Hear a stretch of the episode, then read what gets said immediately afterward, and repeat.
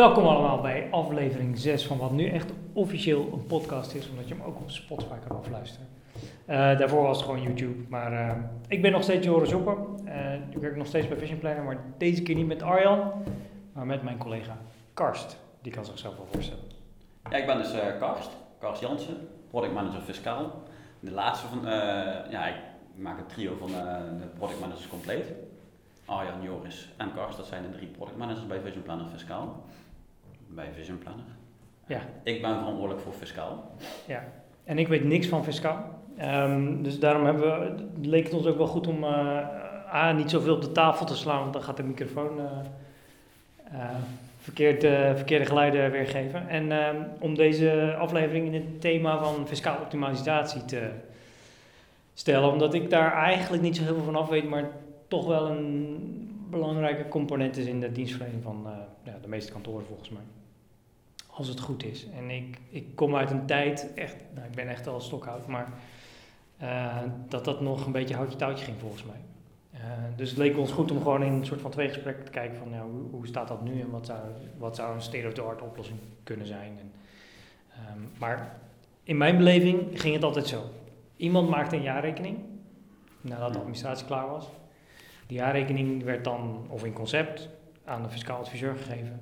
En die ging dan rekenen en kijken. En, maar dat was eigenlijk de eerste keer dat hij die cijfers zag. Is dat nog steeds zo? Uh, in veel gevallen is dat uh, nog steeds het geval, ja. Dus uh, dan komt de conceptjaarrekening bij de adviseur terecht. Die wordt dan in aangifte gegoten. En dan wordt er nog optimalisatie op toegepast voor, voor zover mogelijk. Maar zit, zit daar dan hetzelfde seizoenspatroon in als dat je in de jaarrekeningpraktijk hebt? Of, of want je kunt ook uitstel aanvragen? Ja, je kunt uitstel aanvragen. Dan hoef je een aangifte pas uh, een jaar later op mei in te dienen. Dus degene die nu uitstel heeft voor de aangifte van 2018, die moet hem uiterlijk mei volgend jaar ingediend hebben. Maar als je een beetje kantoor bent, dan spreid je dat neem ik aan over het jaar? Ja, dat is wel de bedoeling dat je dat spreidt over het jaar. Okay. Dat betekent niet dat iedereen uh, in de laatste maand ingediend kan worden. Dat wil de belasting ook niet zo hebben. Nee. Maar dat betekent dat je het seizoenspatroon een beetje kunt... Uh, um, ja, je hebt zeker een seizoenspatroon. Ja. Uh, denk uh, begin januari, dan begint het uh, langzaamaan, dan gaan ze zich voorbereiden op het aangifteseizoen. Ja. worden net, nu de vooraf ingevulde aangiftemachtiging aangevraagd, mm -hmm. zodat ze ook gebruik kunnen maken van de VIA. Ja. En dan vanaf maart gaat over het algemeen elke aangiftepraktijk los. En is het voor de klanten die, die niet willen dat hun aangifte in uitstel komt? Of ja, voor de klanten die niet willen of gewoon de klanten die wel op tijd zijn waar gewoon ruimte voor is. Wordt dan ingediend. Okay. En dan uh, is het denk ik de piek tot aan de zomervakantie dat ze uh, goed bezig zijn. Ja. En dan uh, komt langzamerhand die spreiding erin van wanneer aangiftes, jaarrekeningen gepland zijn, zullen ook de aangiftes afgerond worden. Oké, maar dan is het jaar al voorbij. Ja. Ik bedoel, dan... dan en, ruimschoots.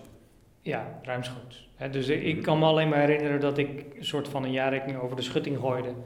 En dat er een vraag terugkwam van, ja, kan ik de investeringsfactuur even zien? Of zijn er nog boetes geweest? Dat was letterlijk hoe het ging. En dat is, dan hebben we het over ja, zes, zeven jaar geleden of zo, denk ik. Um, maar dat betekent wel dat, dat, dat die, die vragen over wat gaan we investeren, wanneer gaan we dat doen en zo, dat, dat, ja, was, al niet, was al niet meer relevant. Want dat, dat punt was al gepasseerd. Ja, je kon eigenlijk niet echt een investeringsplanning doen natuurlijk als je achteraf zit. Nee. En dat uh, in hetzelfde traject zoals het uh, bij heel veel klanten nog steeds zo gaat. Eigenlijk zijn heel veel mogelijkheden zijn, zijn er gewoon niet meer omdat het jaar al afgelopen is. Denk je dat er daardoor dan ook geld op tafel blijft liggen? Uh, ja, ik denk van wel, omdat gewoon sommige situaties, als je daar aan het einde van het jaar achter komt, dan is het te laat om daar iets op te optimaliseren. Ja, en, ja maar we, we weten het niet. Het is niet zo dat, dat we. Het zou een interessante test zijn, denk ik, om, eens, om 100 aangiftes te bekijken. Uh, als je daar wel tijd voor hebt. En te mhm. zeggen van, nou ja, deze, zo is die ingediend, maar stel mhm. dat we, weet ik veel, ja, dan zou ik 100 aangiftes aan 100 jaarrekeningen inderdaad bekijken van zo is het allemaal ingediend. Maar wat als we nou, uh, of ja, ik moet je niet naar de jaarrekening kijken, maar naar de administratie. Ja. Maar wat als we nou inderdaad in kwartaal 4 al hadden gekeken, hadden we dan andere dingen gedaan waardoor bepaalde optimalisaties meld mogelijk waren geweest. Maar het probleem is misschien ook niet alles blijkt uit de jaarrekening. Nee. Um, of uit, uit de aangifte. Je moet ook de privésituatie van de ondernemer wellicht kennen, of niet? Ja, om echt goed te optimaliseren wil je inderdaad ook de privésituatie van de ondernemer in, in kaart hebben. Ja. Dus eigenlijk, de, de Belastingdienst zal ons ook niet attenderen, neem ik aan, op... nee, de Belastingdienst attendeert niemand erop dat er optimalisatie mogelijk is. Ja, alleen als je... ja. Zelfs die 45 euro grens in de aangifte, ja. in een eigen software, dat regelen ze niet voor jou dat die daar automatisch op uitkomt of dat automatisch de optimale verdeling De beste verdeling eruit komt. Nee. Omdat dat in hun, uh, in hun uh, visie is dat adviseren. En dat, en dat doen ze niet. Ja, het is een, het soort van principestandpunt. Mm -hmm. Oké, nou goed, dat, dat zou... Daar zou je misschien nog wel wat van kunnen vinden. Hè? Ik, vind, ik bedoel, ik kan me dat best wel voorstellen dat ze dat standpunt innemen, maar Um, ik bedoel, als jij adviseur bent, of tenminste, je hebt een aangiftepraktijk, maar in het MKB, hmm. dan ben je ook de adviseur. Ja. Toch? Want dat is niet, uh, ik bedoel, als je, bij grote ondernemingen is dat gesplitst, compliance-achtige dingen en, mm-hmm. en, en, advies, maar um, in het MKB zit dat in één persoon. Um, soms zelfs ook in dezelfde adviseur, volgens mij. Ja. Dat, uh, ik weet niet hoe dat bij de grotere kantoren ook is, maar dat, Um, maar degene die aan tafel zit met die ondernemer is niet altijd fiscalist dan? Nee, dat is niet altijd fiscalist. Ja. Soms is het een accountant, soms is het gewoon een uh, administratieconsulent. Kon eigenlijk van alles zijn. Ja, maar die, maar die hebben niet die elk kwartaal routine van de BTW-aangifte bijvoorbeeld? Uh, dat durf ik niet te zeggen hoe ze met de BTW-aangifte Nee, nee, maar goed, als je uh, een typische relatiebeheerder, hoor. stel dat je de administratie doet voor zo'n ondernemer, dan zijn er natuurlijke momenten om even te schakelen met die klant. Hè. Lever je documenten aan die we nog niet hebben, keur deze B2-aangifte mhm. goed. Dat zijn al natuurlijke contactmomenten. Als je dat niet bij belegd hebt bij iemand die ook met die aangifte belast is, eh, dan moet je daar iets voor organiseren. Ja, dan zul je op een of andere manier moeten zorgen dat hij ook in dat proces betrokken raakt. Ja, dus dat je in Q3 of Q4 dat is eh, eigenlijk waar je erop bovenop wil zetten. Ja, oké. En dan, en dan kan je, ik bedoel, de investeringsaftrek kent, kent iedereen. Mm -hmm. um, maar uh, kan je zo, een voorbeeld wat ik niet zou noemen, hè? Ik, ik weet de werkkostenregeling, nou, dat zit niet zozeer in de, in de winstbelastingssfeer. Ik weet niet of ik nu iets doms zeg, dat zou best kunnen. Nee, die zit in een loonheffingssfeer. Ja, en dan heb je investeringsaftrek, dat snap ik ook nog wel. Mm Um, willekeurige afschrijving kan je waarschijnlijk wel achteraf doen. Willekeurige afschrijving kun je achteraf doen, maar je moet wel zorgen dat je iets hebt om willekeurig op af te schrijven. Want je kunt niet uh, zonder meer willekeurig afschrijven. Nee. Dus je zult ook daarvoor, als je daar gebruik van wilt maken, zul je ook, ook van tevoren. van tevoren misschien actie moeten ondernemen zodat je dat ook kunt gaan benutten. Maar als je eenmaal dat bedrijfsmiddel met willekeurige afschrijving hebt, ja. dan kun je ook willekeurige afschrijving toepassen. Dan kun je zelf kiezen tot hoe ver je wilt gaan. Dus daar is dan ook wel weer het punt van, oké, zorg dat je in het derde kwartaal of wanneer dan ook daar een gesprek over voert. Ja. Heb je nog, nog meer voorbeelden? Ja, net zoals bijvoorbeeld de investeringsaftrek. Dat is eigenlijk het meest makkelijk om uh, aan te halen als klanten uh, tegen de grens aanzetten van de investeringsaftrek. Ja. Vooral bij de ZZP'ers en uh, vooral mensen in dienstverlening van toepassing ja, het is natuurlijk zonde als je er eh, achteraf achter komt dat iemand uh, eh, 2000 euro geïnvesteerd had en ietsje, la ietsje later in het eerste kwartaal van het volgende jaar nog een investering doet die daar ook voor een aanmerking had gekomen. Want dan komt hij net boven de grens uit of zo. Dan was hij wel boven de grens uitgekomen en nu niet. En dan mhm. verlies je toch gewoon een aftrekpotentieel van 28% van het totale bedrag. Een ander voorbeeld is bij meewerkende partners uh, goed kijken naar hoe je omgaat met de arbeidsbeloning voor die fiscaal partner. In het jaar heb je daar meer mogelijkheden toe dan achteraf. Ja.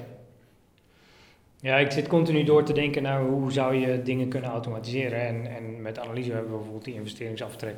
Die kunnen we redelijk, hebben we redelijk in de grip. Want je kunt gewoon zien waar de investeringen zitten en hoe hoog ze zijn. Mhm. Ehm, maar zo'n meewerkende partner bijvoorbeeld, dat blijkt niet altijd uit de administratie.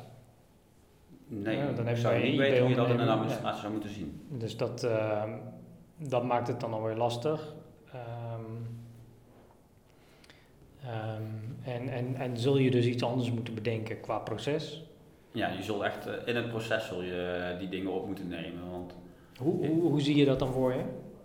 Nou, zelf, ehm, als je kijkt naar het, uh, het, optimaliseren wat je eigenlijk in Q4 wil doen, ja. heel vaak eigenlijk hoort is dat kost mij te veel tijd en die tijd krijg ik niet altijd terug. Oké. Waar ik eigenlijk, waar hoe ik zelf eigenlijk de ideale oplossing zou, uh, wat ik de ideale oplossing zou vinden, is dat je juist begint in kwartaal 4 mhm. met het aangifteproces van het jaar wat daarop volgt. Dus uh, we zitten nu bijna kwartaal 4 van 2019. Ja dan beginnen we ook met uh, het aangifteproces van 2019. En dan beginnen we niet met het verzamelen van gegevens. Nee, we beginnen eigenlijk met het, juist met het optimaliseren van die aangifte. En alvast allemaal die bespreekpunten naar voren te halen die in het kader naar voren komen. Zodat je in kwartaal 4 eigenlijk min of meer de aangifte afgerond hebt. Mhm. Alles staat vast. Gegeven natuurlijk uh, de afspraak die je met de klant erover hebt gemaakt. Aan het einde van, de, van het jaar stel je de administratiewerkje bij, je stelt de jaarrekening op. Mhm. En vervolgens ga je alles, alle keuzes die je hebt gemaakt, vooraf hebt gedefinieerd met de klant, ga je die toepassen in de aangifte. En is eigenlijk de aangifte in het jaar ja, de afrond, echt een afrondend stukje. Wat je eigenlijk bijna als een hamerstuk kunt zien. Dus je, je haalt het hele proces naar voren toe, ondanks het feit dat je de echte aangifte misschien pas over een jaar gaat doen. Ja. Um, zou het dan ook efficiënter zijn? Want dat, ik kan me voorstellen dat je als kantoor de afweging maakt, oké, ik heb 100 klanten. Uh, bij 80 weet ik wel hoe het zit. En daar valt niks te halen. Um, en bij die 20, ja, misschien, maar het kost me zoveel tijd, laat ik het maar niet doen. Is dat een. Uh, is dat lijkt me een valide afweging.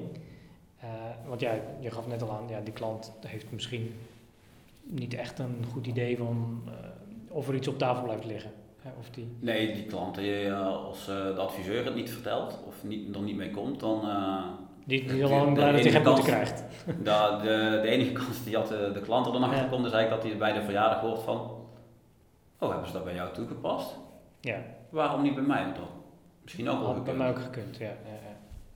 Ja, nou, maar goed, stel dat je daar, en ik weet niet of dat realistisch is, hè, maar stel dat je zegt van nou, we maken daar een apart product van, mm die tussentijds uh, Nee, die tussentijdse belastingoptimalisatie. Ja, ja, dan, dan zou je daar misschien uh, de ruimte voor creëren om dat ook budgetmatig te kunnen doen.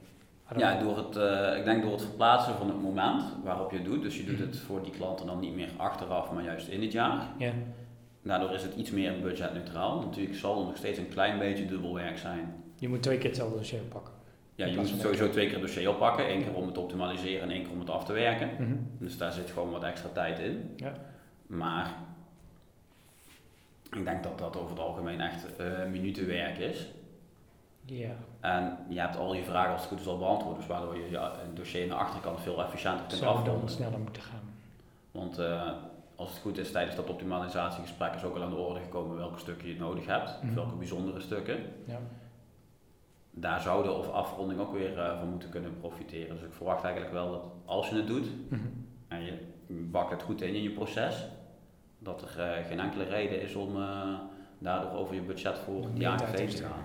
Ja, je kan zo misschien, ik weet ook niet of dat, dat zal niet bij iedereen kunnen, maar je zou die afronding dan ook op een ander niveau plaats kunnen laten vinden. Dus dat je een assistent, dat je zorgt dat je meer ervaring of duurdere uren zeg maar, die, in dat beginproces stopt en de afronding. Ja, dat zou dan een formaliteit ja, kunnen zijn. En dat zou ik inderdaad ook adviseren om te doen dan. Ja, ja. Nou, het, het, het is wel, want uh, uiteindelijk kunnen we natuurlijk hè, met alle ontwikkelingen die er spelen, de automatische winstaangifteproject van de mm. Belastingdienst, kan je je voorstellen dat de waarde van de aangifte ja, meer en meer onder druk komt te staan. Um, maar misschien zijn dit wel, wel, juist de dingen die het, uh, waarmee je het een waardevolle product zou kunnen maken. Ik denk door inderdaad uh, dat de waarde die staat wel onder druk, maar vergeet niet dat inderdaad als je, uh, heel veel klanten zijn al tevreden als ze inderdaad geen boete krijgen. en zijn eigenlijk heel vaak hoor je ook gewoon, ja, met de belasting wil ik geen problemen hebben. Ja, maar, en daar willen ze voor betalen. En daarom uh, gaan ze naar een adviseur. Terwijl dat als je jezelf gewoon netjes aan de regels houdt, krijg je er ook geen problemen mee. Maar ze besteden het liever uit omdat ze gewoon het vertrouwen hebben in die adviseur dat die doet wat het beste is. Ja. En dat die ook zorgt dat er natuurlijk zo weinig mogelijk op tafel blijft liggen. En zo grappig volgens mij in Amerika heb je zelfs een soort, kun je een soort van verzekering afsluiten. Er zijn vrij veel softwareproducten die je dan ook, uh, zeg maar, toestaan dat je, of toestaan, die zeg maar stimuleren dat je zelf je aangifte doet. en dan kan je dan een verzekering voor controle, volgens mij zijn die voor controles daar vrij militant ingestoken. Mm dat je een soort van extra betaalt. Zodat, en dan word je dat je ondersteuning krijgt bij, op het moment dat je gecontroleerd wordt. Nou is die kans in Nederland niet zo heel groot natuurlijk.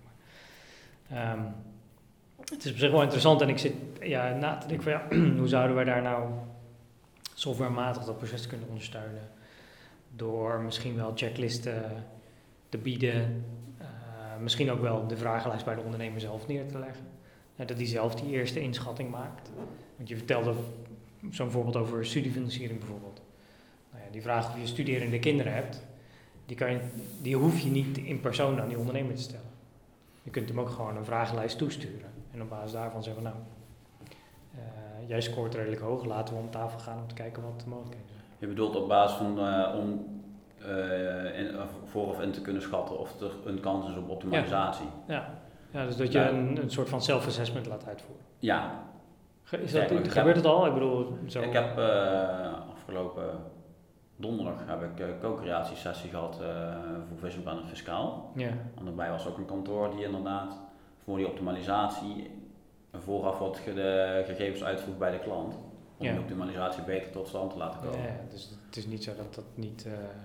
En ik denk ook inderdaad dat dat wel noodzakelijk is, want sommige dingen daar heb je als uh, adviseur gewoon geen zicht op. Ja. Of kies je ervoor om er geen zicht op, om het gewoon buiten jouw stuk te laten. Oh, dat gebeurt ook nog eens. Ja, dat, dat je bijvoorbeeld zegt toeslagen of je, ja? Ja, dat gebeurt inderdaad dan als je kijkt naar hoe inkomensafhankelijk ze zijn, mm dan zou ik dat uh, zeker niet doen, want... Uh, daar zit, zitten mogelijkheden. Daar zitten echt mogelijkheden. Ja. En over het algemeen uh, zijn bijvoorbeeld de studiefinanciering, die ook best wel, waarbij de bijdrage die de ouders dienen te leveren aan de studerende mhm. kinderen inkomensafhankelijk is, die zit meestal ook niet op radar, terwijl er eigenlijk best veel te verdienen valt. Ja met optimaliseren. En als je inderdaad die paar kernvragen uitvraagt bij de klant van uh, voldoe je, heb je dit, mm. dit en dit, dan kun je zelf wel invullen in hoeverre dat je daar ook echt rekening mee moet houden met optimaliseren. En dit, denk je dat dat met tijdsdruk te maken heeft dat dat niet gebeurt? Of met complexiteit? Kijk, als het tijdsdruk is, dan kunnen we daar met automatisering iets mee, zou ik zeggen. Ja, ik denk dat het uh, met tijdsdruk te maken heeft, maar mhm. ook gewoon met ook dat langzaamaan steeds meer werk gewoon naar de actualiteit het verhuizen is. Voorheen waren we lang blij dat we aan het einde van het jaar een jaarrekening konden opstellen. Maar inmiddels uh, is het al zover dat jij gewoon uh, heel veel uh, assistent accountants per kwartaal gewoon controleert of die administratie juist geboekt is. Ja. En voorheen, gebe voorheen gebeurde dat gewoon hele, helemaal achteraf aan het jaar. Ja, dat is zeker wel een. Uh, en uh, dat is allemaal aan het veranderen. En ik merk gewoon dat de fiscale praktijk daar wel een beetje achteraan loopt. Waar de accountancy eigenlijk die uh, stap aan het maken is. Ja.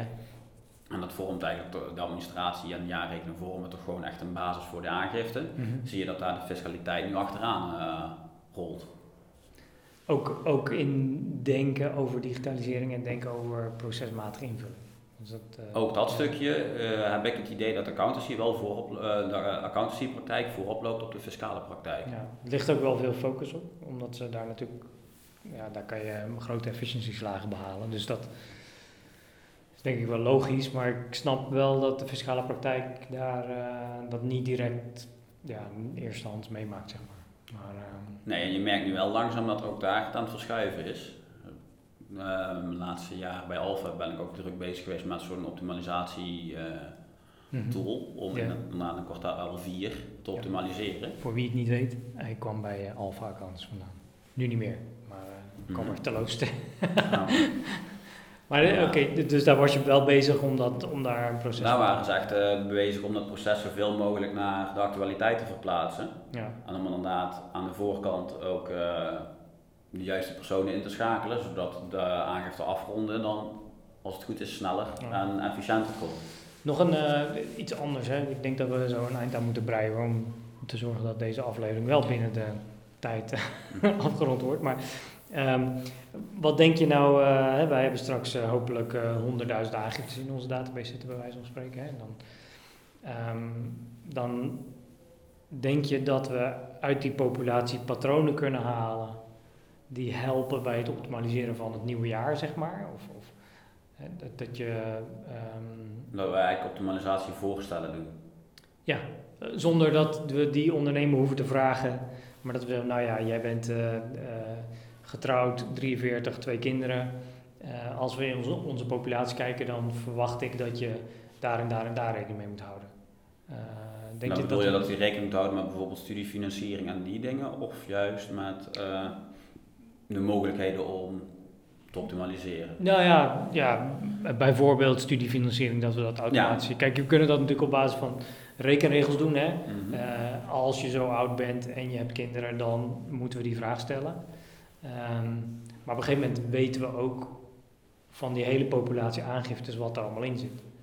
Ja. Dan kunnen we misschien wel modellen gaan trainen die dan automatisch zeg maar... Ik denk dat we daar zeker een model op kunnen trainen op uh, het gebied van optimalisatie. Ja. Ik denk zo, zowel over welke regelingen van toepassing zijn. Dus dat je bijvoorbeeld inderdaad een gezin met uh, twee kinderen die allebei 18 zijn geweest, of de, tussen de 18 en 20, dat je dan met een zeker uh, met, met, een bepaald percentage kunt zeggen, in de meeste gevallen zou hier dus uh, een inkomensafhankelijke bijdrage studiefinanciering. Ja, ja, het gaat dan misschien nog wel verder en de vraag is waar, waar dan de grens ligt. Hè? Maar als je dan bijvoorbeeld de postcode meeneemt en de hoogte van het inkomen, want er zijn redelijk, volgens mij redelijk harde relaties tussen socio-economische status en of je wel of niet gaat studeren, dat soort mhm. dingen. Die zouden we allemaal mee kunnen nemen daarin, want dat komt feitelijk allemaal uit die aangifte. Ja, dat zijn allemaal gegevens die ja. vastliggen. Die zou je mee kunnen nemen en dan zou je zelfs uh, aan kunnen geven en uh, optimaliseren. In deze gevallen is heel, uh, 60% van de gevallen gedaan via willekeurige afschrijving. Door het ja, dat, dat, ja, nou goed, dat, Zover zijn we denk ik nog lang niet. We moeten eerst maar zorgen dat we al die aangiftes... Eerst een aangifte. um, maar het, eh, ik vind het wel een interessante... Er zijn ook wel gevallen in Amerika, is ook wel, heeft IBM, IBM Watson mm -hmm. samen met H&R Block, ik weet niet of je dat kent, maar dat is een... Die laatste ken ik niet. Dit is een um, hele grote belastingaangifte praktijk maar die, die, dat is gewoon een retailpraktijk. Dus die hebben bij wijze van spreken gewoon winkels. Daar kan je naartoe gaan met je spulletje en dan maken ze die aangifte voor je. We hebben recent ook een boekhoudapplicatie gekocht. Mhm. Omdat ze zo groot zijn. Ze hebben misschien wel 10.000 kantoren of zo. Uh, en die hebben ooit wel eens een keer met, uh, of ooit twee jaar geleden of zo, met IBM Watson geëxperimenteerd van wat dan nou als we al die aangiftes in een grote bak gooien, welke suggesties voor belastingoptimalisatie komen dan boven water drijven. Mhm. Dat ik weet niet of hun regelgeving complexer is dan die van ons. Ik heb het idee van wel, maar dat, daar hangt het natuurlijk wel mee samen. Weet je, als wij straks uh, flat tax hebben en iedereen betaalt gewoon 30%, ja, dan, dan is het spelletje uitgespeeld. Ja. Toch? Maar dan moeten we eerst ook echt een flat tax krijgen. je bent er nog niet van overtuigd. Nou, ja. tot nu toe is het uh, een twee tariefsysteem wat, uh, wat ingevoerd gaat worden. Ja. Maar je hebt nog steeds te maken met, uh, met afbouw van heffingskortingen. Ja. Met ondernemersfaciliteiten. Ja, ja. ja dus de, zover zijn we nog lang niet, wil je zeggen.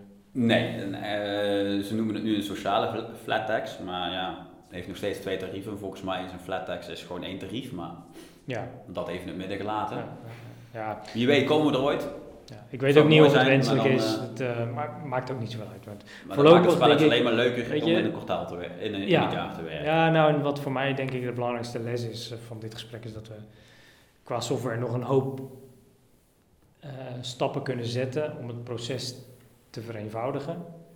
Um, Daar kunnen wij inderdaad vanuit Vision Planner Fiscaal echt wel uh, iets ja. in betekenen om dat proces te optimaliseren. En ook de, werks, uh, de ondersteuning bij dat proces. Ja, nou goed, even los van Vision Planner Fiscaal, hè, ook voor, voor, eigenlijk alle administraties die wij voorbij zien komen, daar zouden we al die, die ondersteuning in kunnen bouwen.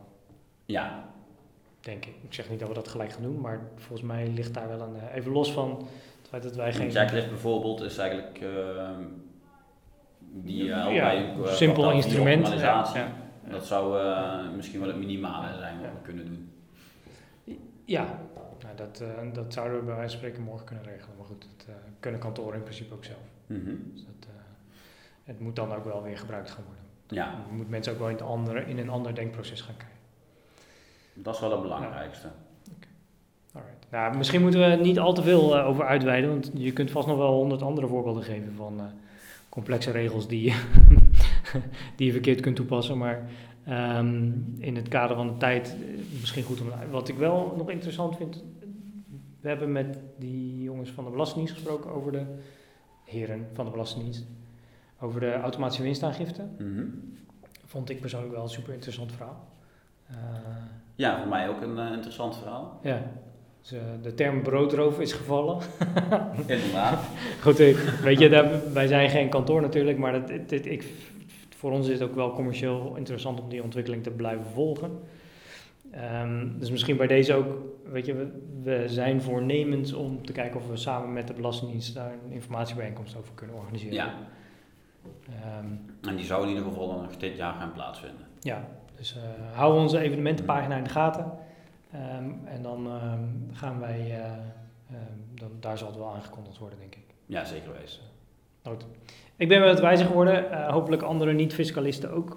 maar wat mij betreft breiden we er een eind aan. Ik denk over twee weken weer de opzet met actualiteiten en wat meer diverse onderwerpen. Of wellicht een gast, spreker, dat weet ik nog niet. Maar dit was in ieder geval aflevering 6 op Spotify. Ik weet niet of je op Spotify ook reviews achter kunt laten. Um, dat kan, duimpjes, duimpjes, blauwe duimpjes. dus die worden zeer op prijs gesteld. Vijf sterren mag ook als je die ergens achter kunt laten op YouTube. Um, zes sterren zelfs, begrijp ik net. Zes van de zeven of zo. Uh, ik was in ieder geval Joris Joppen. Je kan me vinden op LinkedIn en op Twitter. En, ben je nog steeds, Joris Joppen? Ik ben dan nog steeds over twee weken weer. En, en jij bent nog steeds... Karst Jansen. Karst Jansen. Ook op LinkedIn schat ik in. Ook op LinkedIn, en, ja. En als je vragen hebt, die moet je allemaal mailen naar karstjansen.visionplanner.com. Jansen met twee S'en. Jansen met dubbel S, ja.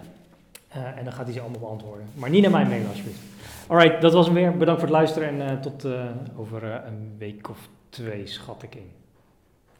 Tot ziens.